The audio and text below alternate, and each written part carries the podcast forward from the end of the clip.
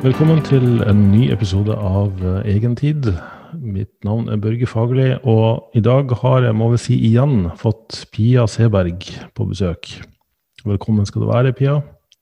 Tusen takk. Stas som alltid. Det er bare andre gangen jeg er eh, på besøk her, da. Så det er, Ja, det høres ut som vi snakkes ukentlig omtrent. Men, I wish. Det. ja, ja, ikke sant. Så bare si ifra, da. Eh, Du er jo mental og fysisk trener. Eh, Du har jo utgitt to bøker også, det syns jeg er viktig å få med. Bli din egen PT, altså nå nylig eh, Sterk etter fødsel. Og sist vi snakka Trening etter fødsel. Trening, beklager. Ja, kanskje sterk etter fødsel har vært bedre. Nei. Ja, vet du hva, Det var jo ønsketittelen min. Det var den jeg skulle ha. Men Ah. fun fact, Jørgine kom med en bok i ca. samme tidsrom, og hun Jeg tror det var et eller annet med sterk i den tittelen, og da følte vi at det ble for likt. Pluss at uh, vi ville ikke legge noen føringer på hva man måtte være etter fødsel. Du vet, man er jo så frynsete Mm. etter fødsel, så da følte vi at liksom trening etter fødsel var en veldig sånn eh, ekte og ærlig tittel, og det er jo det boka handler om òg. Det er trening etter fødsel, fysisk og mentalt, da. Så Mm. Yes. Ja.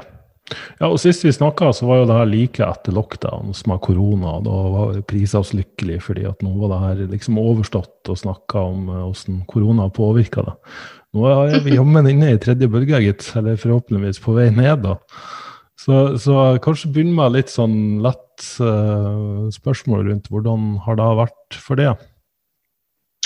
Ja, altså um, Det her er jo litt uh, lite politisk uh, korrekt, men på veldig mange måter så syns jeg egentlig at korona, har vært uh, veldig deilig og bra. Og det altså sånn på et personlig plan, og det henger nok sammen med at vi fikk jo barn rett før uh, koronaen kom først. Og det er jo en veldig riktig tid å være mye hjemme med familien på når uh, man har fått en liten en.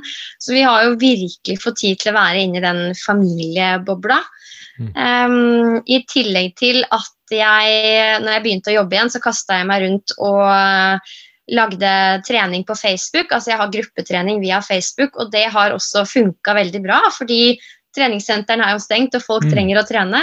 Ja. Eh, så det har vært en kjempepositiv overraskelse, og det er veldig givende å jobbe med. Ikke minst så tror jeg koronaen for min del og mange andre trenere har liksom framskynda den digitale prosessen flere jeg skal ikke si tiår, men det tar litt tid å få ut fingeren, ikke sant? mens nå har vi måttet. da. Eh, så skal, Hvis jeg skal se det på det positive, så har det vært veldig bra sånn sett. Selvfølgelig, Det er jo tøft å ikke få vært sosial på samme måte. og eh, jeg tror nok den isoleringa som kommer som et resultat av korona, påvirker en mer enn man kanskje er klar over der og da og her og nå.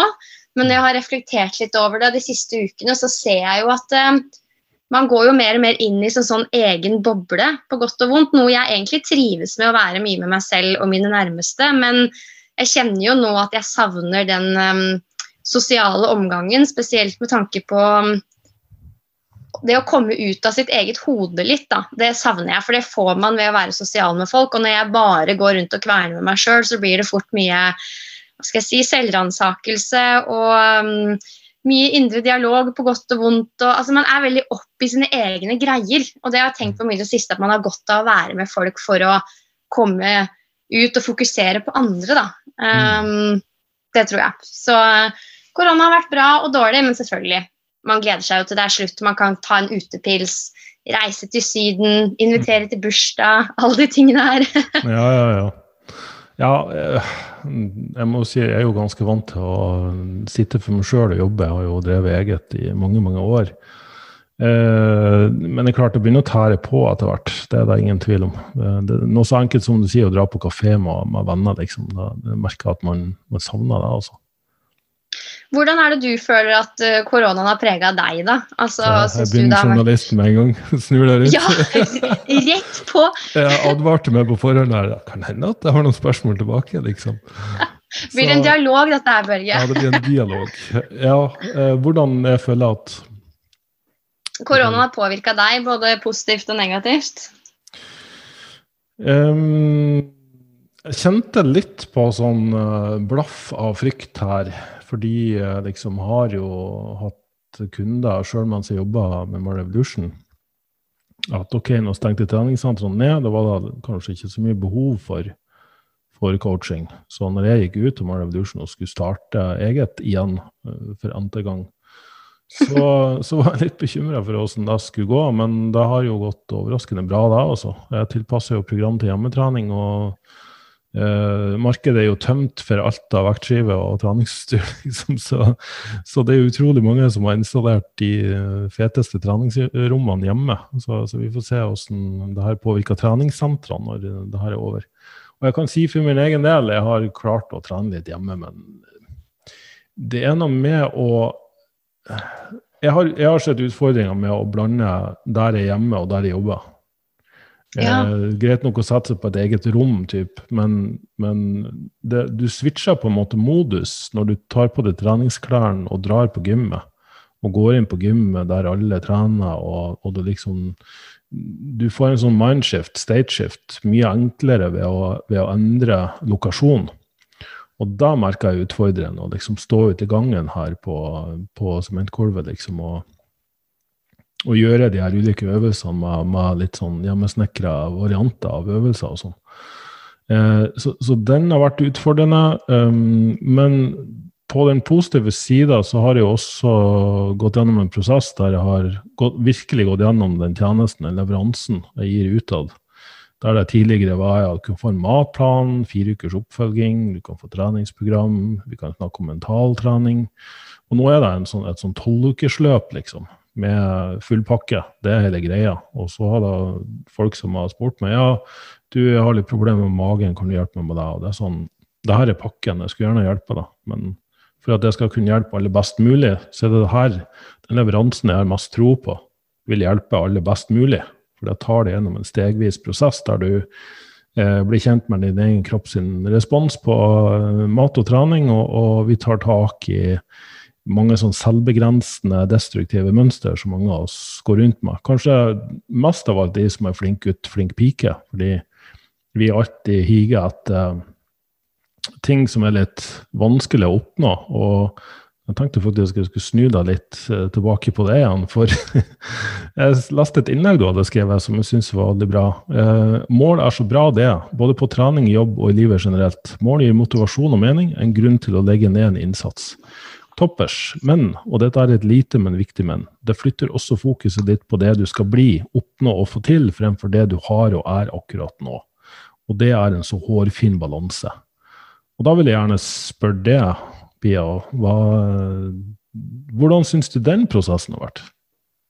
eh, ja, det var en av bok jeg leste for ikke så veldig lenge siden, egentlig. Og når jeg bare leste det avsnittet om på en måte det der, så gikk det opp et lite lys for meg da jeg reflekterte litt tilbake på de siste ja, jeg tror ti åra. Eh, jeg har alltid vært veldig sånn fremoverlent og ja, kall det ambisiøs, da. Eh, uten at jeg liksom Det har ikke vært noe sånn ytre press, jeg har bare alltid hatt en sånn indre følelse av at jeg skal bli bedre, jeg skal et sted. Eh, og for meg så har det vært positivt, fordi Altså, jeg syns det er positivt når jeg våkner eller jeg har fritid på et eller annet tidspunkt i løpet av dagen, og det jeg har lyst til, er å gå og gjøre ting som gjør meg bedre, f.eks. å gå og trene, jobbe, sånne ting. Det her kjenner du deg sikkert igjen i. Mm. Og um, det er jo en av fordelene ved å være litt selvstendig og ikke minst drive for seg selv, at man har lyst til å ja, drive ting fram. Da. Og sånn har det alltid vært for min del. Eh, men samtidig, når man holder på sånn, så ofrer man jo også en del, og man glemmer kanskje litt å sette pris på tida her og nå. Eh, og det er det jeg, litt det jeg tenkte over når jeg leste, leste, litt om dette her. For når du setter deg mål, og du er veldig fokusert på hvor du skal være om to, tre måneder og et år og to år, så gjør jo det også automatisk at du fokuserer veldig på det og glemmer litt her og nå, da. Mm. Um, og når man er ambisiøs og flink og trener og styrer og holder på, så er det jo veldig mye her og nå som du burde sette pris på også, men som kanskje blir litt borte. da. Mm. Eh, og det er jo egentlig en viktig del av f.eks. mentaltrening, som jeg jobber med, å også være til stede og sette pris på den du er. Men for meg i hvert fall, i mange år opp igjennom, så har jeg nok sett veldig mye framover og glemt å være mer til stede. Så det er litt det jeg jobber med nå. Kanskje bare roe ned litt, ta ting som det kommer, og bare sette pris på at man er Det er så klisjé, men altså At man er god nok som man er, hvis du skjønner. Ja, ja. Men det er den der hårfine balansen mellom å ville drive ting fram og ville bli bedre og være målfokusert, men samtidig sette pris på å, å bare være. Ja. Ja. Ja, Jeg ser vel litt på det her som et sånt spekter. Det er litt den der Du er bra nok, du er god nok. Og så Du er bra nok og god nok, men du må først få til de her. Da kan du virkelig si at du er det. Og så Mm. selvfølgelig det andre ytterpunktet, at det er noe i veien med meg som må fikses hele tida. Og jeg har jo opplevd å, å jobbe mot mål fra alle perspektivene. Eh, I ung alder hadde jeg jo fryktelig dårlig sjøltillit, og alt var feil med meg, liksom. Jeg var ikke god nok på noen ting. Så, så um, jeg opplevde jo det som fryktelig sånn en, en ubehagelig det var, det var ukomfortabelt å være med, for å si det på den måten. Og alt det da gjorde, det var drevet av veldig mye uro. Jeg ser fremdeles de samme mønstrene i meg sjøl eh, den dag i dag. At det kan være ting som trigger meg litt, og som treffer noen sånne ømme punkter og såre punkter på, på ting som jeg kanskje opplever at jeg ikke er god nok på, og dermed så begynner jeg å skal finne ut av det, eller gå i den retninga. Og så har jeg også, i hvert fall oftere og oftere, litt mer som blaff av den følelsen at vet du hva, det her er jo det her er bra nok. altså Jeg er god nok, er takknemlig for det jeg har. Og om jeg hadde dødd i morgen, så hadde jeg liksom kunnet vært takknemlig for, for alt jeg har, og ikke nødvendigvis tenkt over alt jeg ikke har oppnådd ennå. Um, men, men det svinger litt. Det, det er litt sånn bølgedaler, børgedaler, som vennene mine kaller, kaller det også. Uh, så, så, det er litt For et, på ene sida så har man en sånn frykt av at ok, men hvis jeg tenker at det er bra nok, da vil jeg slutte å jobbe for ting. Men jeg har heller oppdaga at hvis jeg føler at det er bra nok, så kan jeg heller ha en nysgjerrighet rundt nye ting. Og når du har en nysgjerrighet rundt det, så er det en mer sånn positiv oppmerksomhet på det. Da er det en mer sånn interesse, da er det en sånn utforskertrang. Og, og da føler jeg at ting kommer mer i flyt og mer fra intuisjon enn at man skal leve opp til et visst ideal. At jeg skal gjøre det her for at noen skal være glad i meg eller gi meg oppmerksomhet eller validering. Mm. Uh, så jeg tenkte kanskje å spørre det litt om, Pia. Vi, vi uh, drodla vel litt på forhånd her om hvordan vi skulle angripe det her temaet. Men du har jo hatt en Jeg har jo kjent deg nå i ganske mange år. Um, fra journalist og til en sånn veldig søkende, nysgjerrig ung dame rundt trening. Eh, vært på treningsreiser liksom i, i Spania og eh, gjennom AFPT. Um, og til der du er i dag, nå er du liksom Jeg sier voksen, da, med gåseøyne her.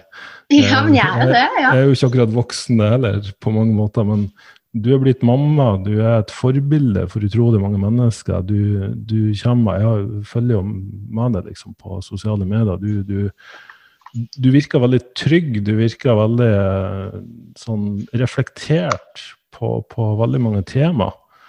Nå ble det et fryktelig stort spørsmål, men, men, kan du se litt på den prosessen din, den reisen din? Hva, hvordan har det, det foregått?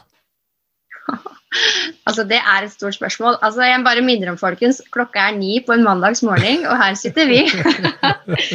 uh, men jeg elsker jo å prate om sånne ting, og det er derfor jeg er så glad i å prate med deg også, Børge. og altså, Du var jo en av de første jeg sendte mail til lenge før jeg tok PT-utdannelse. For Jeg leste en sånn artikkel på fitnessbloggen eller noe, tror jeg, og lurte da på noen bøker, altså noe litteratur som jeg kunne fordype meg i. Så der har du meg, da. Det som er enda sjukere, er jo at du faktisk svarte. Og da ble jeg helt sånn Det følte jeg sa mye om deg allerede da, og siden så har du alltid vært um, vet ikke, en av de mest lærde innen bransjen som jeg vet om, men samtidig alltid med en veldig sånn ydmykhet som har gitt meg gjort at jeg alltid følt meg veldig sånn trygg når jeg har spurt deg om ting. Pluss at uh, jeg tror veldig på at de som tør uh, og velger å være ydmyke, også er trygge nok på seg sjøl og det de kan til å være det. da, Og der hvor andre kanskje man kan få en følelse av at de er litt ute etter å ta deg. Eh, ja. Så er det mer, eh, mer sånn Når jeg spurte deg om ting, så følte jeg at du kom virkelig til å hjelpe meg til å bli bedre. Da. Men det henger jo også sammen med at det var deg jeg valgte å spørre, sikkert. Men eh, jeg tror mange oppfatter deg litt sånn, egentlig. Og det tror jeg er et bevisst valg fra deg også. Ja, da vil jeg absolutt si Jeg har jo hatt min arrogante periode også, der jeg trodde jeg visste alt. Men jeg innså jo at da var jeg på høyden av Dynen Krüger-kurven, liksom på, der jeg egentlig kunne veldig lite. Så jeg har jo virkelig tatt tilfart i den rutsjebanen som resten av kurven viser på, der jeg innså hvor lite jeg egentlig kunne, og at jeg kom nok aldri til å bli ferdig utlært. Og, og med den i bunnen, så, så tør i hvert fall å være litt mindre påståelig og bastant. Jeg ser veldig mange som i hvert fall virker som Enten at de er der, eller at de tror at de må være der for at de skal få tillit. Men jeg har egentlig bare tatt et valg om å forsøke å, å være ydmyk på det og si at uh, det her er ting som jeg ikke kan si med 100 sikkerhet ennå. Og jeg kan Jeg tror det beste metaforen det var en sånn vitsetegning fra Larsson. Det er en elefant, og så står det noen vitenskapsmenn rundt med bind for øynene. Og alle står og holder i hver sin del av elefanten. Og en sier ja, det her er en trestamme, nei, det er en slange, nei, det er en kost, osv. Eh, og jeg, jeg, føler at jeg i større grad er blitt i stand til å se elefanten uten bind for øynene. Sånn at jeg kan mm. forstå hvorfor den som står og holder i halen, tror det han tror, og den som står og holder i foten, tror det han tror, og den som holder i snabelen, ja, gud vet hva han tror. Mm. Uh, det der med å klare å se helhetsperspektivet, altså, som, som jeg vil utfordre alle til å gjøre. Uh, og jeg har vel kanskje hatt flere diskusjoner med folk som er uenige med meg, enn folk som er enige med meg. Nettopp for å høre mm. hva, hvor, hvor er det du hen? Hvorfor Hvorfor tror du så sterkt på det her? Hva er ditt perspektiv? Mm. Og, og, med et åpent sinn, da. For da, da tror jeg kan lære, lære mye mer. Ja, og den evnen der kommer jo med masse erfaring, og som du Altså, du har jo mange tiår med erfaring. Um, jeg bare tenker på et eller annet når du nevnte Den metaforen var jo helt fantastisk. Mm. Um, nei, jeg, ja, så da skulle vi snakke om Jeg skulle svare på hvorfor jeg er så reflektert, var det det? ja, faktisk. Hva er det som har vært din prosess for å komme dit du er i dag? Ja, jeg har jo alltid vært uh, veldig nysgjerrig og ganske målbevisst. Altså, jeg tror det starta dette her med trening og helse for min del starta med at jeg var overvektig som ung, og så begynte jeg å løpe med pappa. Opplevde godene av å få en bedre helse, og da fikk jeg på en måte blod på tann. da. Så jeg har alltid hatt en veldig sånn tydelig retning i forhold til hva jeg ønsker å oppnå. Um, så når jeg skulle skrive bachelor, altså siste året når jeg tok journalistikk, så var de andre masse på skolen og liksom la ned eh, masse arbeid der, mens jeg gjorde bare det som var strengt tatt nødvendig. Og så brukte jeg all min tid på å være frilanser for ShapeUp, for jeg skulle ha en fulltidsjobb der. Altså Det var alltid veldig sånn tydelig for meg, da. Um, så jeg tror kanskje det at man har vært litt tydelig på retningen sin hele veien, gjør også at man lærer mye på veien, som man da bruker til refleksjoner. Og så har jeg vært heldig og møtt veldig mange flinke folk opp igjennom. Eh, jeg tok mentalt treningskurs eh, som har hjulpet meg helt sånn enormt i forhold til det å bare få et perspektiv på egne tanker og følelser, og dermed også andres. Og mm. det i kombinasjon med at man jobber med mennesker. Eh, i veldig ung alder så begynte jeg å jobbe med voksne, kloke folk, og det lærer man jo masse av. Mm. Um, så det også i tillegg til at jeg føler at jeg er født som en sånn ganske gammel sjel. Altså jeg var lugn som kid og var vel sånn skulle fikse ting selv og født som en gammel dame, liksom. Mm. og uh, nå sporer vi kanskje litt av, men jeg tror jo på det at uh, sjeler, at vi har levd du vet hvordan det, er så rart. Noen er liksom ganske sånn, skal prøve alt og er veldig sånn spenningssøkende og Eh, mens andre er mer sånn lugne og trygge, og akkurat som de har levd før. De er ikke så mm. nysgjerrige og vet litt mer hvor de skal. Da mm. føler jeg at det er um, forskjell på hvor mange liv den, den sjelen har levd. Da. Mm. Ja. ja så det er, det er, et stort spørsmål å svare på, Børge, men det er vel, det er vel noe der. Så er jeg nysgjerrig, man er journalist og er glad i å samle inn perspektiver fra andre. Og da bruker man jo de perspektivene selv også etter hvert til å prøve å komme opp med noe smart, da. Mm. Ja, jeg likte egentlig da du sa der, fordi det er jo den følelsen jeg også har hatt. At jeg på en måte har levd før, og at er en gammel sjel og uh, i veldig tidlig alder liksom kom med utsagn som man ikke skulle tro i forhold til alder osv. Um, og det klart, da er et stort tema som jeg sikkert kunne gått innom. Men ja, da, jeg har lyst til å spørre deg om det, Børge. fordi det har jeg hørt at du har nevnt i noen av podkastene. Og så har jeg også, mener jeg husker at du har gått på skole hos Martha Louise. Mm. Eh, altså, du har vært på en liten sånn spiritual reise uten at du har nevnt så mye om det, føler jeg. Har du det? Mm. Ja, det vil jeg absolutt si. Det... Hva, hva, har du lært? Liksom? Hva er de tre viktigste tingene du har lært? oh, de tre viktigste. Oi, oi, oi. Eh, nei, det var vel kanskje enda en bekreftelse på at uh, det er greit å ha et åpent sinn. Um, jeg, jo, jeg, har jo bakgrunn som ingeniør, så det er klart min greie har jo vært det tekniske, fysikk og matematikk og det å forstå verden gjennom systemer og prinsipper. Eh, og så har jeg på min reise egentlig bare opplevd at de systemene og prinsippene har vært ganske verdiløse innimellom. Fordi man bare har fått den såkalte magefølelsen, det instinktet, intuisjonen, kall det hva du vil. Fått et innfall som har vist seg å stemt veldig bra. Og det er klart, vi har jo en uh, underbevissthet, eller en hjerne som er i stand til å prosessere enorme mengder med informasjon. Uh, så der, som da bobler opp til overflata, da må vi jo da kunne si det er jo uh, Da kan vi veldig ofte stole på, litt avhengig av hvor emosjonelt lada det er, selvfølgelig. Det, man bør jo kanskje ikke ta avgjørelser basert på sterk emosjonell liksom, rabalder innvendig. Det er masse tankemylder. Eh, så det er kanskje heller når det er fravær av tanker, du vet når du er ute og går på tur og du egentlig tenker på noe helt annet, eller kanskje bare hører på en podkast eller noe sånt, så plutselig slår det bare noe ned i hodet ditt som en sånn Hm, den var ny. Den, sånn har jeg ikke mm. tenkt på det før. Eller den personen må jeg snakke med, eller det her må jeg foreslå. Og så mm. plutselig så ja, legger universet til rette for at det skal skje ting, da. Eh, også hatt samtaler med folk jeg aldri har møtt før, og bare fått sånne innfall av mm, 'Du har en bror, du, som er syk', altså uten at det har blitt nevnt. og Eh, litt, litt som, som man sitter og har en, en, en reading med, med, folk. Og det har spesielt kommet mm. når jeg har hatt litt alkohol i systemet. Så jeg tenker at det har noe med at hemningene eh, dempes, da, i, i mitt tilfelle. Ja, ja, ja. Og de aller fleste sitt tilfelle. Sant? At de sperrene som man normalt sett har på hva som er sosialt ok, og som bare løsner litt. Og da har jeg liksom bare fått sånn her sånn uh, storøyde blikk tilbake. og hva, Hvor kom det derfra? Åssen visste du da? Det, det, har jeg aldri fortalt noen, og sånne ting. Mm. Uh, så jeg ble jo selvfølgelig nysgjerrig på det her.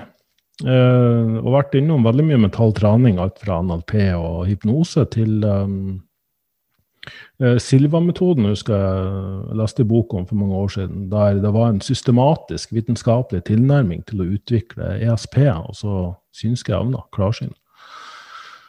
Uh, og la det vel kanskje litt på hylla noen år, fordi jeg var veldig sånn, opptatt av kunnskap og vitenskap. Og fullførte ingeniørutdanning, som sagt, og, og jobba litt med det. Og, og min tilnærming til trening har vært veldig sånn, forsknings- og evidensbasert. Helt til jeg begynte å innse hvor mye motstridende, i hvert fall tilsynelatende, den forskninga også kan være. Eh, og ikke minst når den etter hvert begynte å motstride veldig med det jeg opplevde med kundene mine. At det kan være mm. såpass store variasjoner i, i, i treningseffekt og resultater der ute. Begynte å se mer på helhet og panse mer og mer inn på det mentale. Og så da også vil jo si det spirituelle i den, i den uh, konteksten av å føle at man tilhører andre, selv om du aldri har møtt dem. Litt mm. det der som at vi alle mennesker er knytta sammen av kanskje en stor visdom, kraft, energi, guddommelig et eller annet. Jeg er jo ikke religiøs av meg, det må jeg jo bare si. At jeg tror mm. ikke på en enkelt gud, liksom. Um, men jeg tror på en større intelligens, en høyere visdom av noe slag. Uh, men kanskje vi alle går rundt og har den guddommelige kraften i oss. Uh, nå ble det jo fort et intervju av meg i stedet for det, men, men ok. Uh, men, men, jeg syns ja. bare det er gøy å høre, fordi ja, du gikk jo fra sånn som vi og jeg kjenner deg, en sånn fagperson, fitnessmennesker, forskning sier jada, jada, jada, var mm. kjempeinteressant og viktig, og så over på en som tør å være altså De siste åra føler jeg at du, du tør å på en måte blande inn dine personlige følelser og tanker og refleksjoner og meninger inn i fagstoffet, og det er vel der kanskje du har fått litt kritikk etter hvert også, fordi det skal mm. man jo liksom ikke gjøre. F.eks. når du snakka høyt om den kjøttdietten som du testa ut, og det mm. var jo sånn da tror jeg mange bare sa nå har han blitt helt kokkelimunke, liksom. Ja. Eh, og det at du fortsetter å ta din egen retning nå og snakke om disse tingene her, jeg syns det er kjempeinteressant. Og jeg syns det er cred å tørre å velge å trosse de da som sier nei, nei, nei, og heller tenke at dette her er noe jeg ønsker å gjøre og, og tør i gåsehudene å snakke om, da. Mm. Um, det er derfor jeg blir litt uh, nysgjerrig. Jeg tror mange setter pris på å høre det. Det er jo utrolig interessant, men noe vi ikke snakker så høyt om. I hvert fall ikke i trening- og helsebransjen. Nei, jeg tror mange har det i seg, men nettopp som du sier, de tør ikke å snakke om det. Fordi jeg har jo fått utrolig mange Det slo meg litt, jeg fulgte deg lunsj med Lilly på, på, Discovery Plus, heter det vel nå, um, tidligere TV Norge. Der hun hadde inne alt fra Henning Solberg til liksom influensere og, og mediefolk. og utrolig mange av de har en spirituell side. De har opplevd noe med ei tante som gikk bort, og, og eh, fått eh, liksom klarsynte tanker rundt ulike ting, og er veldig åpent for sånne ting. og eh, et, jeg tror på et eller annet sted så har veldig mange av oss det i oss, men i det samfunnet vi lever i i dag, som er veldig eksternt drevet, så skal du leve opp til visse idealer, og man skaper seg identiteter ut fra hvilke verdisystemer man har, og, og liksom prioriteringsrekkefølgen der. Um, og så glemmer kanskje av ref den episoden av med Jørgen, der man ser litt innover òg. Tenk hva er det som jeg går og bærer på og føler på? Uh, begynner å gjenkjenne en del automatiske mønster og ting man gjør. Um, um, for å lære mer. Lære mer om seg sjøl, utvikle seg sjøl mer. Oh, men virkelig, og Det er jo veldig i tråd med min filosofi om liksom det her med å bli sin egen PT. Jeg tror jo grunnleggende på at man eh, mange av oss har veldig godt av å se mer innover. Da. altså Ha fokus på det interne framfor det eksterne hele tiden. Men det strider jo litt imot det her at vi skal følge det som er forskningsbasert. Mm. Eh, ikke la deg rive hen av tanker og følelser. Du må gjøre liksom det som funker over tid. Ha selvdisiplin. Men så ser vi at det funker jo for ikke sånn altfor mange. Det er veldig mye det ikke funker for, og det snakker vi mm. liksom ikke så høyt om. Mm. Eh, men så ser man jo at med en gang folk begynner å løse ting litt mer på sin egen måte, nå snakker jeg om hovedsakelig trening og kosthold, da, mm. eh, så funker det ofte bedre så fort de evner å ta litt mer eierskap over sin prosess. Og det skjer jo ofte når man har prøvd liksom både det ene og det andre, og til slutt bare blir sånn Fuck you all, nå gjør jeg min mm. egen greie, liksom. Og så er det det som funker. Ja. Og det er jo fordi det er bærekraftig over tid, og det passer inn i ens timeplan og hele den biten der. Men jeg tror også det skjer når man tør å lytte litt mer sånn innover, da. Men sånn ting er nå, så tar det veldig lang tid før man kommer dit. Mm. Um, jeg tror at folk har godt av å se innover, men det er vanskelig å sette ord på det, fordi det blir fort litt sånn flytende. Mm. Ja, og det her med intuisjon og instinkt det er jo òg litt sånn um, skumle ord å bruke, fordi som jeg sa i stad, noen kan ta uh, emosjonelt impulsive valg. Uh, og igjen, ser du under der, så ligger det kanskje mye smerte, mye frykt, mye katastrofetenkning. og jeg er ikke god nok, jeg blir aldri god nok tankegang. Og da kan man fort finne på å ta veldig destruktive valg for å oppfylle det bildet man allerede har av seg sjøl. Um, men forskning, sånn som jeg ser det, er jo aldri feil i den forstand. Det kommer jo med gode data. Men vi har jo også en organisme som utvikler seg over tid. Og de fleste studier foregår over 8-12 uker og følger da deltakere gjennom den prosessen og ulike treningsprotokoller, f.eks., eller kostholdsfilosofier. Men så har jeg f.eks.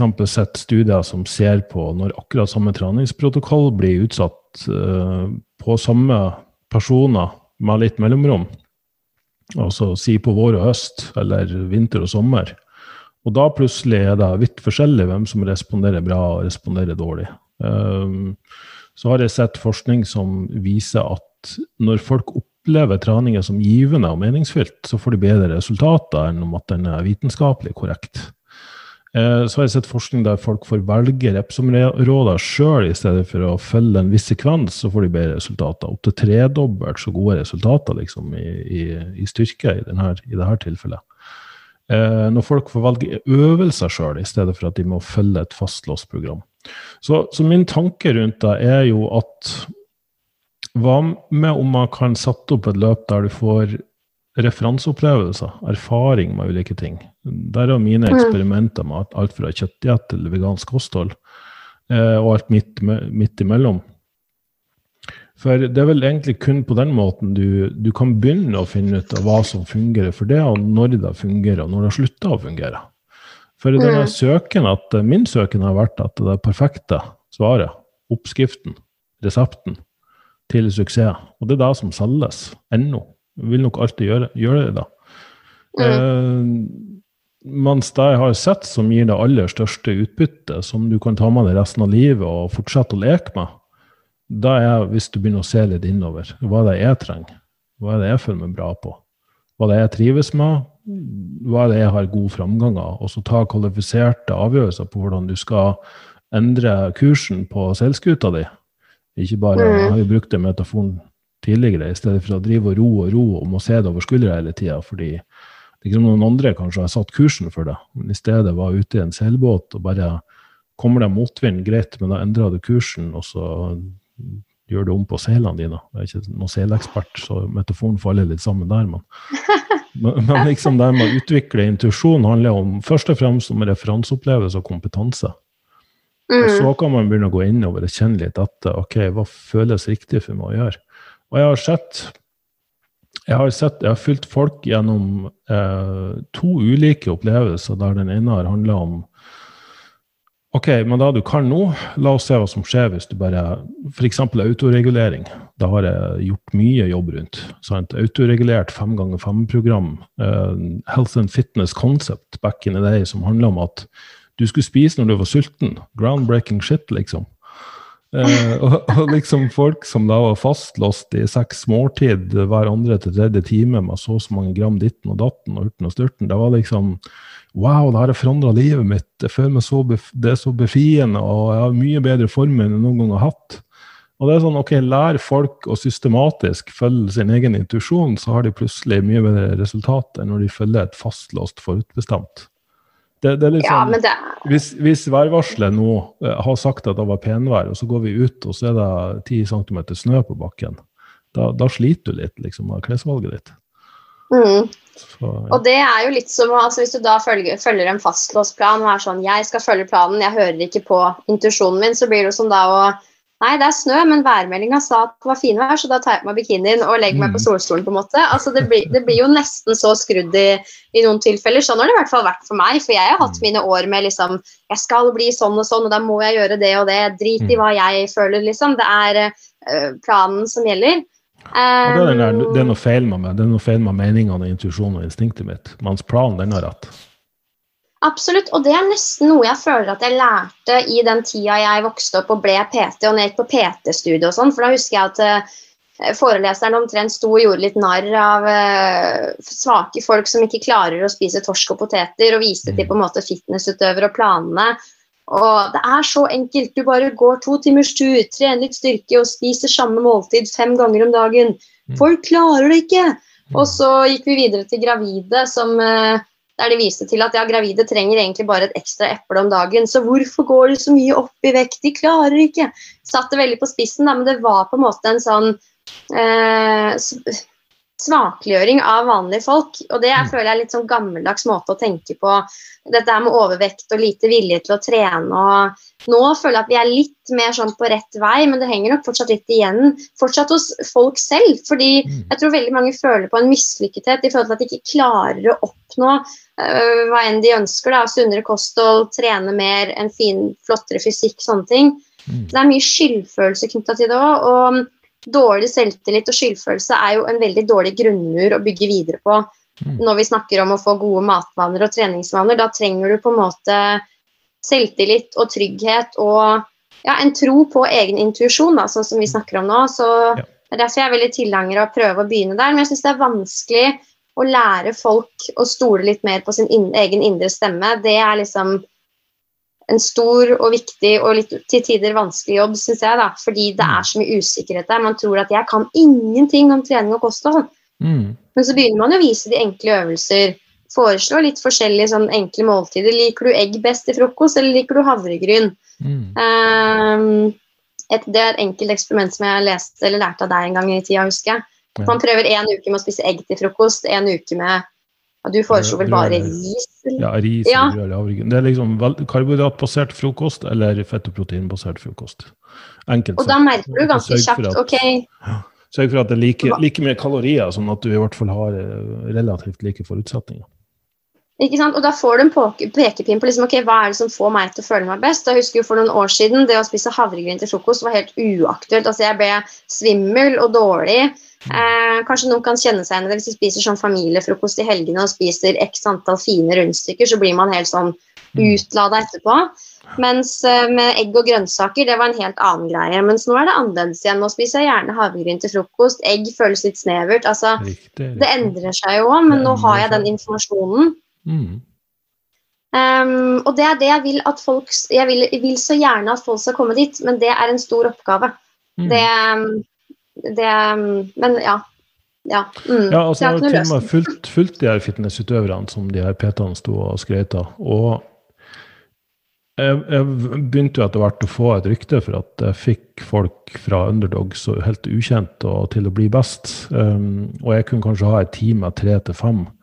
Og da havna alle på pallen, liksom, innimellom. I stedet for at du hadde 20 stykk, og så fikk du en eller to vinnere som da ble Der alle fulgte omtrent det samme opplegget. Så var mine opplegg Mm. veldig tilpassa.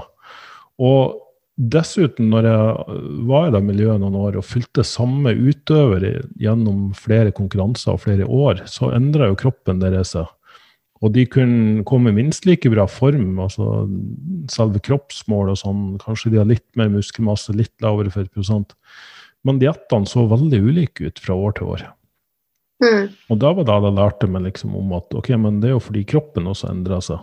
Eh, I tillegg så er jo selvfølgelig menneskekroppen utrolig tilpasningsdyktig, så du kan jo komme i form på både lavkarbo og høykarbo. Altså det, det er litt sånn Noen er nok genetisk disponert for, eller har en livssituasjon eller helsevern der da er vi inne på epigenetikk, hvordan deres gener responderer på miljøet de går gjennom på kanskje en mye sterkere eller svakere måte osv. Eh, Mm. men, men det der med å faktisk være litt mer in tune med sin egen kropp eh, Jeg har jo selvfølgelig fått kritikk for det også, at det er sånn Ja, men hvis man bare skal følge liksom, da man føler sjøl, så går man jo bare rundt og spiser dritmat hele tida. Men det er sånn da, da, da går du inn for å mistolke hva jeg sier, tenker jeg. Absolutt. Nei, og jeg tror det er deres egen eh, kanskje dårlige erfaring med det som snakker. For min del så kan jeg huske tilbake at når jeg var veldig sånn opptatt av å følge planer og sånn, så vil det jo alltid komme dager der du bare gir beng og kjører på og spiser det du vil. Og da var det jo liksom yoghurtnøtter i handa på vei hjem fra trening, Mm. småspise på godteriposen mens du står og lager taco, og så ble det på en måte ost med taco fordi du endelig kunne slappe av og spise det du ville. Mm. Da er på en måte den intuisjonen helt på bærtur, fordi du er på en måte ikke in tune i det hele tatt. Og pluss at man gjerne spiser mindre enn det man, man, man trenger. I hvert fall vi jenter har en tendens til å underspise. Mm. Um, der er jeg blitt så mye bedre i takt med at jeg bare har begynt å følge mer hva funker for meg å spise. Men um, jeg tror det stammer fra det at jeg var overvektig som mindre. For det, det her med å overspise og småspise har alltid vært en veldig sånn greie for meg. Og, um, og jeg har, jeg har lært de siste åra at det henger igjen sammen med følelser.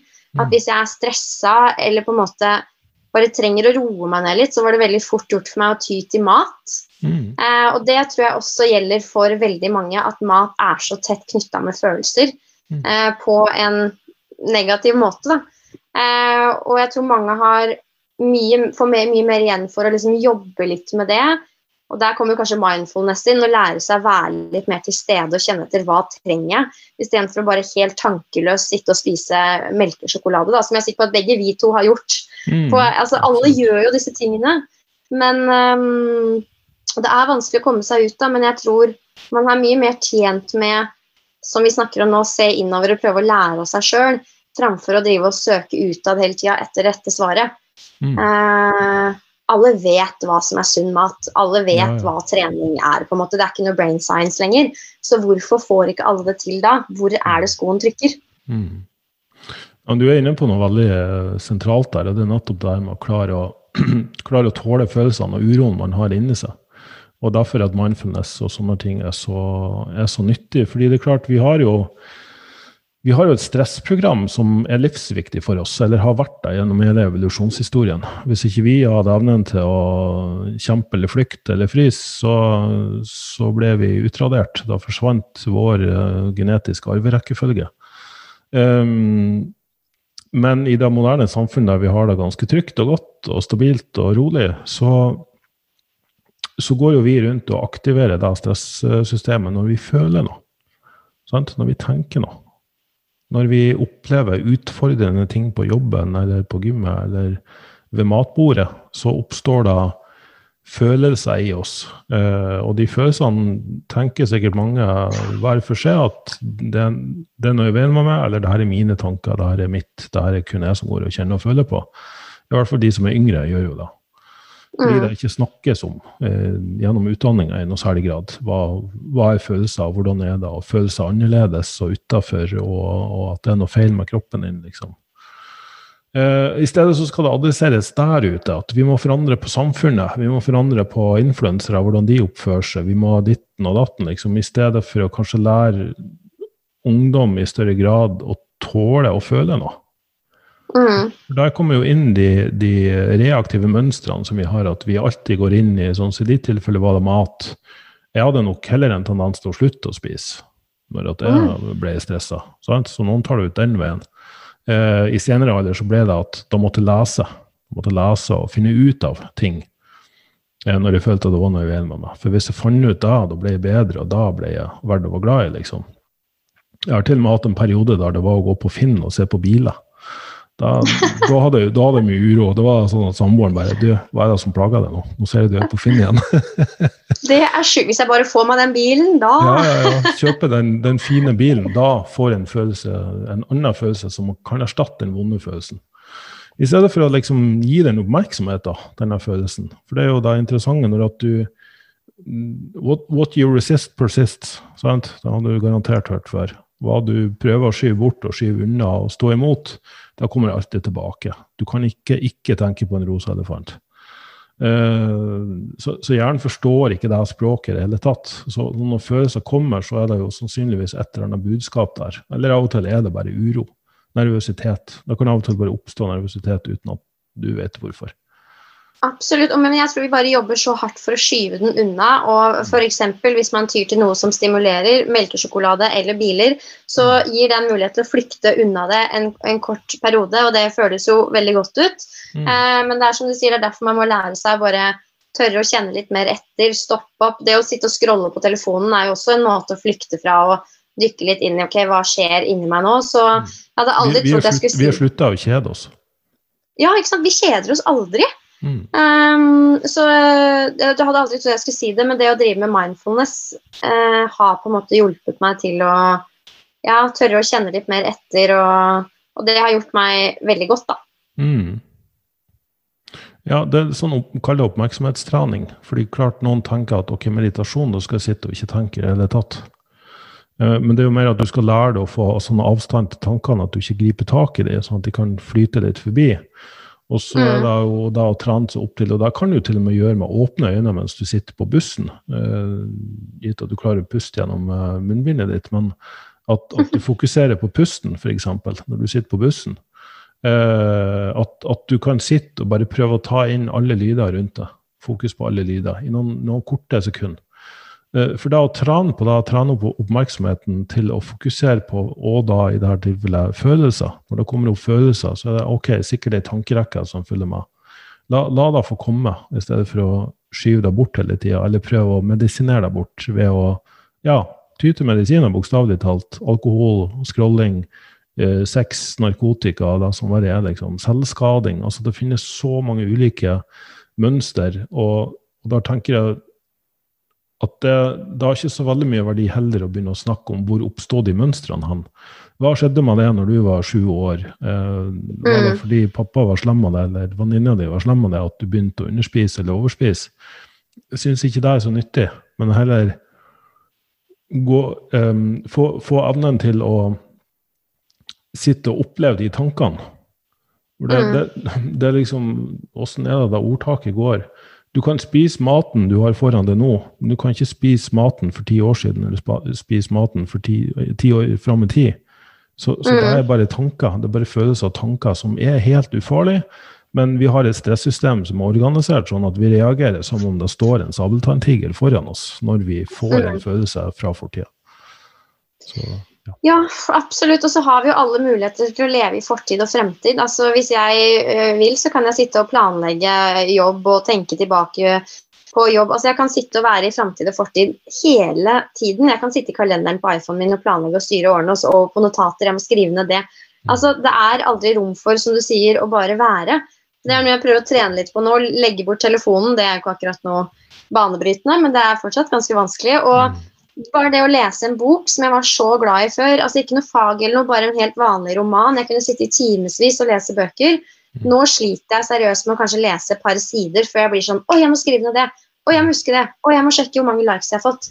Mm. Og det syns jeg Det har gått opp liksom aha-opplevelse for meg hvor mye hvor mye dårligere konsentrasjonen har blitt. Altså evnen til å bare lande i én ting og være i det. Mm. Uh, så det var kanskje en liten digresjon, og det er noe jeg tenker at jeg skal bli litt bedre på. Og der kan vi jo for øvrig si at korona kanskje har gjort oss godt. At vi har fått muligheten til å roe ned litt. Nå vet jeg ikke om alle har tatt den muligheten, men jeg syns det er godt at ting har stoppa opp litt. Da, sånn at vi har fått tid til å fokusere på det nærmeste. Mm. Ja, jeg er så 100% enig. Um, det vil fremtvinge masse endringer på samfunnsbasis, men forhåpentligvis òg på individbasis. F.eks. noe så enkelt som at du sparer to timer i rushtrafikk og alle de forberedelsene for å komme seg av gårde. Det er jo for mange blitt en stor befrielse. Åh, jeg, har, jeg kan dasse rundt liksom, i joggebuksa til Zoom- eller Teams-møtet starter, liksom. Uh, men, Eller ta seg en kjapp treningsøkt på stuegulvet. ja, ja, for all del. Da er jeg den første til å, til å anbefale. Um, men ja, oppfordre til å bruke den ledige tida man faktisk får, og ikke fylle den med noe. Det er jo et sånt prinsipp som går ut på at du vil alltid fylle den tida du har med problemer. Den ledige mm. tida du har. Uh, på samme måte som hvis du får mange penger, så vil forbruket justere seg opp uh, til den nye inntekta. Så, så, vi har en tendens til å Det er sånn creep, kalles det vel. At da kryper alltid opp dit uh, som, som, du har lagt standarden, da. Men å kunne stoppe opp og, og bruke litt tid til refleksjon og, og kjenne litt innover, ja. Uh, men igjen, hvordan man skal gjøre det, da. Kanskje du bare bør oppsøke en mentaltrener eller en terapeut som kan bidra, hjelpe deg, støtte deg. God venn. Ja, for det er jo som vi snakka om, det er uh, altså jeg, Som sagt, blir din egen PT, fiks dine egne greier, er jeg veldig fan av, men samtidig så trenger vi støttespillere. Vi trenger noen å snakke med, spesielt når det kommer til litt vanskelige mønstre som vi snakker om nå. Så, men det handler jo også om å tørre å dykke inn og spørre seg selv ok, hva trenger jeg? Eh, det tror jeg veldig på, men jeg tror ikke på å liksom gå hodeløst til en PT og bare være sånn Få meg i form på seks uker. Du mm. må på en måte, du må eie prosessen selv, og så må du ha en ganske tydelig bestilling til eh, PT-en hvis du skal være i nærheten av å få det du eh, håper og forventer. Mm. Ja, forventningsavtale er jo essensielt for utrolig mange ting, ikke bare overfor PT, men også for de nærmeste rundt deg, tenker jeg. Ja, men, ja, virkelig. Og det, vi kan jo egentlig, for å runde av ting litt, prøve å hjelpe folk Jeg syns alltid det er vanskelig å si ok, men hvordan skal jeg bruke da denne intuisjonen til å spise sunt og trene riktig? Hvordan gjør jeg det i praksis? Mm. Og det syns jeg alltid er litt sånn Det er vanskelig å gi konkrete råd, men vi kan jo prøve for min del så handler det i hvert fall om å tørre å prøve å sette sin egen plan i forhold til hva du veit hva sunn mat er, du veit hva trening er. Hvordan kan du på best mulig måte bake det inn i din timeplan? Da, hvis du skal blåse liksom alle regler du har hørt. Mm. Eh, bruk liksom det du vet at er kjent og kjært og etablert at dette er bra. Mm. Eh, og hvordan kan det bygges inn i din hverdag? En del med tanke på kosthold og en del med tanke på trening. Mm. Og så må du ta hensyn til utgangspunktet ditt. Hvor er du nå, og hvor har du lyst til å være f.eks. om uh, ja, si to måneder, altså, eller 1. juli, da, det er jo sommeren for mange. Hva har du mm. lyst til å oppnå på den tiden, da? Um, det er jo et sted å starte, i hvert fall, men vi sier jo det er jo ikke enkelt. Nei, men så tror jeg vi skal legge, altså legge bort denne illusjonen om at det finnes noe perfekt. At det finnes alltid en måte å spise perfekt på. Hvis du bare klarer å knekke den koden, så vil alt ordne seg. Det er jo mer en sånn løpende av fingeren på pulsen-opplevelse, føler jeg da. At mm. eh, ok, jeg spiste for lite til frokost, jeg ble fortere sulten til lunsj. Ok, greit, men da prøver jeg i morgen med litt større frokost, eller rekalibrerer den sult-metthetsfølelsen min. Eller kanskje matvalgene jeg tok. Altså ha en slags sånn bevissthet rundt det. Um, og da kan gjerne gå ut på at du må følge en plan en ukes tid, der du får informasjon. Det er jo det jeg òg gjør. Jeg setter jo folk på en plan. Og så får vi informasjon. ok, Hvordan følte du der? Sult, mettelsesfølelse, energi, restitusjon. og det er noe så enkelt for mange som kanskje ble veldig solgt av det her periodisk fastegreiene. Skip frokost, spise en sen lunsj. Men opplevde at de etter hvert ble kjempetrøtt. De har gått ned masse i vekt, og det er masse ting som har blitt bedre. men og de fikk seg ikke til å spise frokost, liksom, fordi de, de hadde en sperre på det. Eller selvfølgelig òg fordi de har spist så mye dagen før. Nettopp fordi periodisk faste går ut på at du da skal spise kanskje veldig mye i siste måltid. Og så, eh, etter to-tre dager på det nye spisemønsteret, så er alt av sånn søtsug og, og, og okseunger på kveldene er borte nå. Fordi jeg faktisk begynte å spise. I, I, starten var det helt fælt. Jeg klarte ikke å få i med de eggene eller det der uh, fruktskåla eller havregrynsgrøten, liksom. Men, men uh, på dag tre gikk det mye bedre, og da var jeg mett med masse energi helt fram til lunsj og, og, hadde mye mindre lyst på en enorm middag når jeg kom hjem. Så, så det er mm. klart Et sted må man starte. Har du ikke Det er litt sånn George Constanza-filosofi. Do the opposite. Sant? Prøv mm. kanskje å gjøre det motsatt av det du gjør nå. Har du trent veldig tungt, prøv å trene veldig lett en stund. Høye reps i stedet for lavreps osv. Kanskje prøv det en stund. Utrolig nok er det forskning som viser at introduserer du høyreps med jevne mellomrom hos folk som trener lavreps og styrke, så har du mye bedre resultat enn de som fortsetter å trene bare lavreps. Noe så enkelt som det, liksom. Så, så, da er det mange som tenker ok, men da er det variasjon. Da må du variere alt. Variere kostholdet ditt hele tida, spise noe annerledes hver eneste dag. Men da går du glipp av eh, informasjon. Da vet du ikke hva som funker når det funker, fordi du aldri følger noe heller. Mm. Så, så, så, jeg ville bygd det opp rundt referanseopplevelser. F.eks. oppfordrer jeg folk til å starte på høy reps. Og så I løpet av de neste tolv ukene så går vi ned til lave reps. Og så ser du ok, var det noen repsområder som føltes best. Var det noen øvelser som dukka opp så du bare virkelig misliker i enkelte repsområder, eller som du generelt sett bare hater, osv. Så, og så, videre. så får du informasjon, og så kan du etter hvert ja, f.eks. når jeg var i PMS-fasen, da, da hata jeg å trene bulgarske splittbein. Og jeg er veldig konkret her nå, men, men det var faktisk ja, ja. En, kunde, en, kunde, som sa det. Så sa jeg men vet du hva, da bytta vi ut den akkurat når du er i PMS-fasen. Og så brått så hadde hun bedre framgang. Så, så det er liksom ja. Ja, men, men hvorfor, eh, hvorfor, vil du si at eh, For nå snakker du veldig mye om hva man liker best, altså både i forhold til kosthold og trening. Hvorfor er det så viktig? For jeg tror mange da tenker at hva jeg liker best, er jo irrelevant. Jeg vil jo gjøre det som funker. Mm. Ja, og det er fordi at faktisk forskning òg beviser at eh, når folk gjør det de liker, så har de uh, i, det, I dette tilfellet, da, det er en studie jeg har snakka om mange ganger, men jeg gjentar den gjerne fordi jeg syns den var så spennende. Eh, folk ble testa på fire ulike protokoller. Det var satt på 15 reps, satt på 10 reps, på 5 reps, og så var det en eksplosiv protokoll der de løfta 15 reps-vekter, men bare 5 reps. Og så tok de spyttprøver av dem på kortisol og testosteron. Og hvis du testa positivt, dvs. Si at du fikk en positiv testosteronutskillelse og lav kortisolutskillelse, så ble du da, De fordelte gruppen sånn at da du testa bass på, da fikk du tranen de første tre til fire ukene, og så ble du bytta over til den andre. Den du testa dårligst på. Og den andre gruppa gjorde det omvendte. De starta med den de testa dårlig på, og så endte med den de testa bra på. Bare for å si at det ikke var tidsaspektet, men det var faktisk hva du trente. Mm. Og da var det uten unntak at da de tester best på, det vil si da det har en positiv stressreaksjon på jeg vil jo, Testosteronet kan jo også sies å være et stresshormon. Da måler de jo skyhet hos folk som driver med lagidrett og skal spille kamp, f.eks. Så øker testosteronnivået for at OK, nå er det, nå er det game on, gutta. Mm. Um, og, og, da var jo òg det interessante at da du tester bass på Ja, du kan bli stressa, du kan bli nervøs, men du trives med det. Du digger det. Du, det, det, er en positiv opplevelse.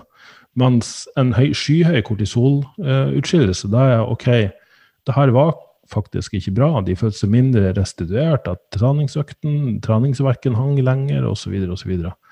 Um, så det bekrefter på en måte at du kan intuitivt kjenne hva kroppen din responderer best på, ved også hvordan du føler det. Eh, mm. Ikke nødvendigvis at det skal være behagelig, men, men, jeg tror de fleste som har trent det en stund, vet at OK eh, jeg, jeg, på en måte hater jeg gåseøynene det her, men fy fader, jeg føler meg bra på det. Mm. Og, og, også omvendt. Så, så, ja, programmet sa at jeg skulle trene vet du, den øvelsen jeg får aldri til. eller å trene i det repsområdet Jeg føler bare at det ikke gir meg noen ting, liksom. Men du, du må ha erfaring. Du, du, må ha trent en stund, så du, må, du kan ikke bare liksom bestemme deg for på forhånd at du skal hate og mislike et eller annet. Nei, absolutt. Og det er jo gøy at, du, altså, at, de kan vise til forskning som faktisk bekrefter dette her. Eh, I tillegg så vet vi jo at det du liker best å holde på med, det er jo det som gir kontinuitet. Og kontinuitet, altså det å klare å holde på med noe over tid, er jo det aller, aller viktigste. Det er samme for oss hva du gjør i liksom en uke eller to. Det handler jo om måneder og år og tiår eh, for mm. å få liksom vedvarende gode resultater, da. Ja. Og, og progresjon da også kanskje stadig utfordre seg sjøl litt, vil jeg slå et slag for. Ja, absolutt. Og helt på tampen så kan vi jo snakke om dette her med gener. Altså, du har jo trent masse av disse fitness-folka opp igjennom. Mm. Er det sånn at alle kan bli fitnessutøvere bare de vil det nok, eller spiller gener inn i større eller mindre grad på hvordan kroppskomposisjonen og utseendet på kroppen er? Eh, det er vanskelig å gi noe prosent på det, men jeg vil nok si at gener kan ha mellom 30 og 70 av utfallet å gjøre, eh, på ene sida. På andre sida så er det jo sånn at eh, de har jo f.eks. studert enegga tvillinger, der den ene trente distanseløp og den andre trente styrke, og sett at muskelfibersammensetninga deres endres over mange nok år. Så, så, epigenetikk tilsier at ja, du har et visst sett med gener som gjør det bedre disponert for uh, utvikling, og da kan hende at mange fortsetter å holde på med ting som de naturlig er gode på og har talent for. Uh, men det finnes mange eksempler på folk som har kjempa seg til, til topps. Når det gjelder fitness, så blir det straks litt eh, verre igjen. fordi én ting er hvor bra du er på å bygge muskler og brenne fett, og der har jeg jo liksom, jeg har jo fått alle i form på en eller annen måte. Men at det har vært lettere for noen og vanskeligere for andre, er det jo ingen tvil om. Men der har du òg et utseende- og symmetriaspekt. Det skal være viss, sånn, mm. Eh, et visst utseende på kroppen. Og da sitter jo en gjeng med, med, folk i salen som har sine subjektive, høyst subjektive synspunkt der flertallet av dommerpanelet bestemmer hvem som vinner. Da er det liksom uavhengig av eh, Selvfølgelig muskulatur og fettprosent teller veldig mye, men, men, av og til kan du sitte der og ha Hvordan kunne hun vinne? Hvordan kunne han mm. vinne? Og da er det fordi det dommerpanelet som sitter her, i deres øyne så er den fysikken penere å se på. Den ser bedre ut, mer symmetrisk, passer et visst ideal enn den andre. Eller at de bare traff bedre akkurat den dagen. Og ja, det, faktisk, til og med, faktisk til og med ville jeg, vil jeg, vil jeg inn på meg en sånn eh, de, de, hadde sett utfallet av uh, hvordan dommere dømte i en rettssal ja. før, før, etter lunsj. Og det var alltid mer positivt før og, og, mer negativt etter lunsj. Eller, nei, det var omvendt, selvfølgelig. Altså, Hvis de var litt sultne, så dømte de alltid uh, i favør av anklagerne, mens uh, etter lunsj, når de var mer uh, altså har fått i Gode og mette og lystige. Gode og mette, ikke sant? Så, så der også. Det, det, er så mye subjektivitet innenfor fitness at det, ja, og Grunnen til at jeg spør, er jo ikke fordi at verken jeg eller tror jeg noen av de som lytter, har planer om å stille fitness med det første, men jeg føler at det også er jo noe som snakkes ikke så veldig mye om på f.eks. sosiale medier, der vi blir eksponert for alle disse trente kroppene og treningsprofilene. fordi og mange lever jo av å selge treningsprogrammer og på en måte selge sitt budskap. og det er klart at da Den visuelle kroppen har jo mye å si. Mm. Og så glemmer vi kanskje litt når vi mottar all denne informasjonen og alle disse visuelle bildene at det er forskjell på oss i forhold til genetikk. Da. Så selv om denne personen trener eh, trener sånn og sånn og har et nytt superprogram med miniband, så vil ikke det si at det nødvendigvis funker eh, for deg, også fordi mm. du er skrudd sammen på en litt annen måte. og det har, kanskje, det har man kanskje en tendens til å glemme noen ganger. Man tenker at oh, bare jeg jobber hardt nok, så kan jeg bli sånn og sånn. Mm. Men ikke at man skal ha gener som noen unnskyldning, men man skal bare vite at man er født med et sett med forutsetninger som bestemmer i større eller grad eh, hvordan du blir seende ut, da, uavhengig av hvordan du spiser og trener. og Det skal man liksom huske på, det er viktig. Mm. Ja, du kan ikke endre på beinstruktur eller muskelfester eller det, det, det, er mye du kan endre på, men det er òg fryktelig mye du ikke kan endre på. Så, så det er veldig viktig poeng. Mm. Så jeg måtte bare nevne det, fordi det er ikke så fort gjort å legge merke til eller tenke over når man scrolle på Instagram. Sånn Nei, jo, du må jo tenke på det her som et ekkokammer. Altså, Hvem er det som har blitt store influensere innen fitness? Eh, det ene er jo de sånn som du, da, som har gode budskap og, og, god informasjon. Men det er jo veldig mange som er inne og ser og blir helt sjokka av og til. For det er sånn De har flere millioner følgere, og da har de en viss fysikk, et visst utseende. Og så ser du et sånn gjentagende tema i hvem som er så stor. Og det er selvfølgelig de vi blir eksponert mest for. Mens det finnes jo vakre kropper som kanskje ikke har den muskel, muskelutviklinga, eh, strukturen på kroppen eh, så, som er like fin, liksom, like bra å se på. Men det er klart, hvis det blir forbildet, hvis det blir idealet Og der har vi jo til og med sett gjennom tiår hvordan kroppsidealet har endra seg både for kvinner og menn. Det er jo, for hvert tiår så er det jo en ny endring. Vi har jo er det 20 år vi skal tilbake, da, da mannsidealet var, var, ganske tynt og spinkelt. Mm. Så, så har, vi må liksom tenke over at ok, kanskje din kropp ikke passer inn i idealkroppen i dag, men bare vent ti år, så gjør det det. Som en sånn ja, fattig trøst. Ha litt is i magen. Nei, jeg synes det Men det er jo bra også nå, i hvert fall de siste kanskje par åra, at det blomstrer fram andre idealer også. Jeg er mm. ikke nødvendigvis noen sånn fan av at man krøller sammen bilringene sine og sier 'heia kroppen min', for å sette det på mm. spissen. Men jeg, jeg, men jeg syns det er viktig at de også er der, for å på en måte farge dette bildet av hva en menneskekropp er. Og så er jeg veldig glad i at øh, Jeg sier vi, fordi jeg har drevet med trening og kosthold lenge, men jeg har aldri hatt den der sånn superrippa uh, fitnesskroppen som var et mål back in the days. Mm. Eh, selv om jeg egentlig jobba ganske hardt for det, spesielt når jeg liksom ja, det var det som gjaldt. Man følte at man måtte ha en fitnesskropp for å være PT omtrent. Mm. Eh, så derfor også syns jeg det er fint at flere som på en måte har ekte kropper, som trener masse og spiser sunt, men som på en måte ikke er sånn picture perfect, da, at de også snakker litt høyere og viser at det, eh, en treningskropp trenger ikke å se ha null i fettprosent, på en måte. Og det gjelder både for gutter og jenter. Jeg tror det er, eh, tror det er viktig, for jeg tror det er mange spesielt i treningsbransjen, som har følt på og kanskje føler at det ikke er bra nok for å operere i denne bransjen. Men jeg tror tvert imot at hvis du har litt baller og liksom tør å stå fram og vise at uh, dette her er trening, det trenger ikke å være torsk og poteter og ja, null i fettprosent. Da. Det kan være så mye mer, og det tror jeg folk trenger å se også.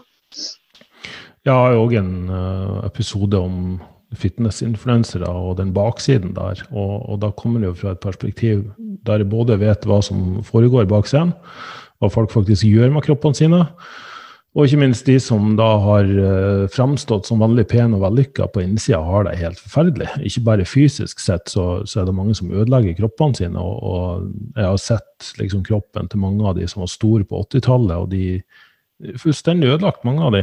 De, de har gjort så mm. mye med kroppen sin at den, den kan aldri repareres, og de har dødd en tidlig død. Og da skal du framstå som det ultimate fitnessidealet, og så lever du til du er 50. Det er liksom det er den største selvmotsigelsen som finnes. Eh, også at mange av de her som til tross for hvordan de ser ut, fremdeles føler seg forferdelig stygge. Eh, og at det er det som driver dem. Ikke sant? At du aldri blir god nok. ja.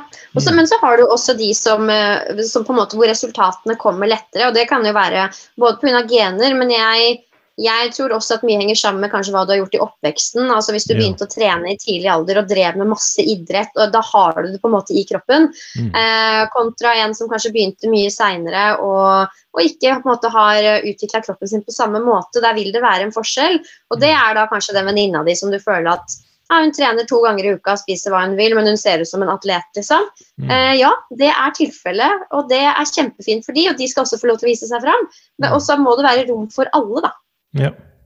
ja, jeg er helt enig. Og det er sånn Min erfaring er at de mest uh, bærekraftige uh, fysikkene og kroppene og helsa, den skapes over tid, ikke med de mest ekstreme og brutale protokollene på kort sikt. Mm. Men folk har så dårlig tid, så det er det, det, er det som mm. er. ja. ja, nei, apropos tid. Uh, vi kunne sikkert ha snakka lenger, vi, men vi får heller uh, sette opp flere episoder. Uh, det, det nei, fall, er det som, over? Som alltid, så trist. Ja, det var en stor glede å, å ha det med her. utrolig hyggelige samtaler, syns jeg. Så jeg merker noen når man har sånne samtaler, at det er synd at det blir så lenge mellom hver gang. men men kvalitet over kvantitet, får vi si. Ja, ja. Og Så er det bare å plinge på. Det er gøy å bare prate litt om stort og smått. Vi har jo like tanker og mye, og da er det gøy å komme litt sammen og bare ja, reflektere litt. Det ble jo litt som Pia intervjuer Børge-style over dette her, men jeg tror som sagt at mange setter pris på det. Ja, ja vi får uh, håpe på det. Eh, så hvor kan folk finne mer om Pia Seberg?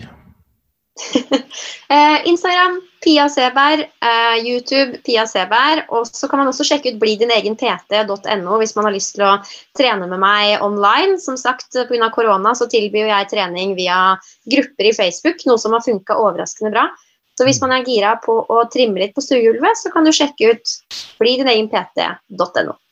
Kjempebra. Da skal jeg linke til deg i episodebeskrivelsen også.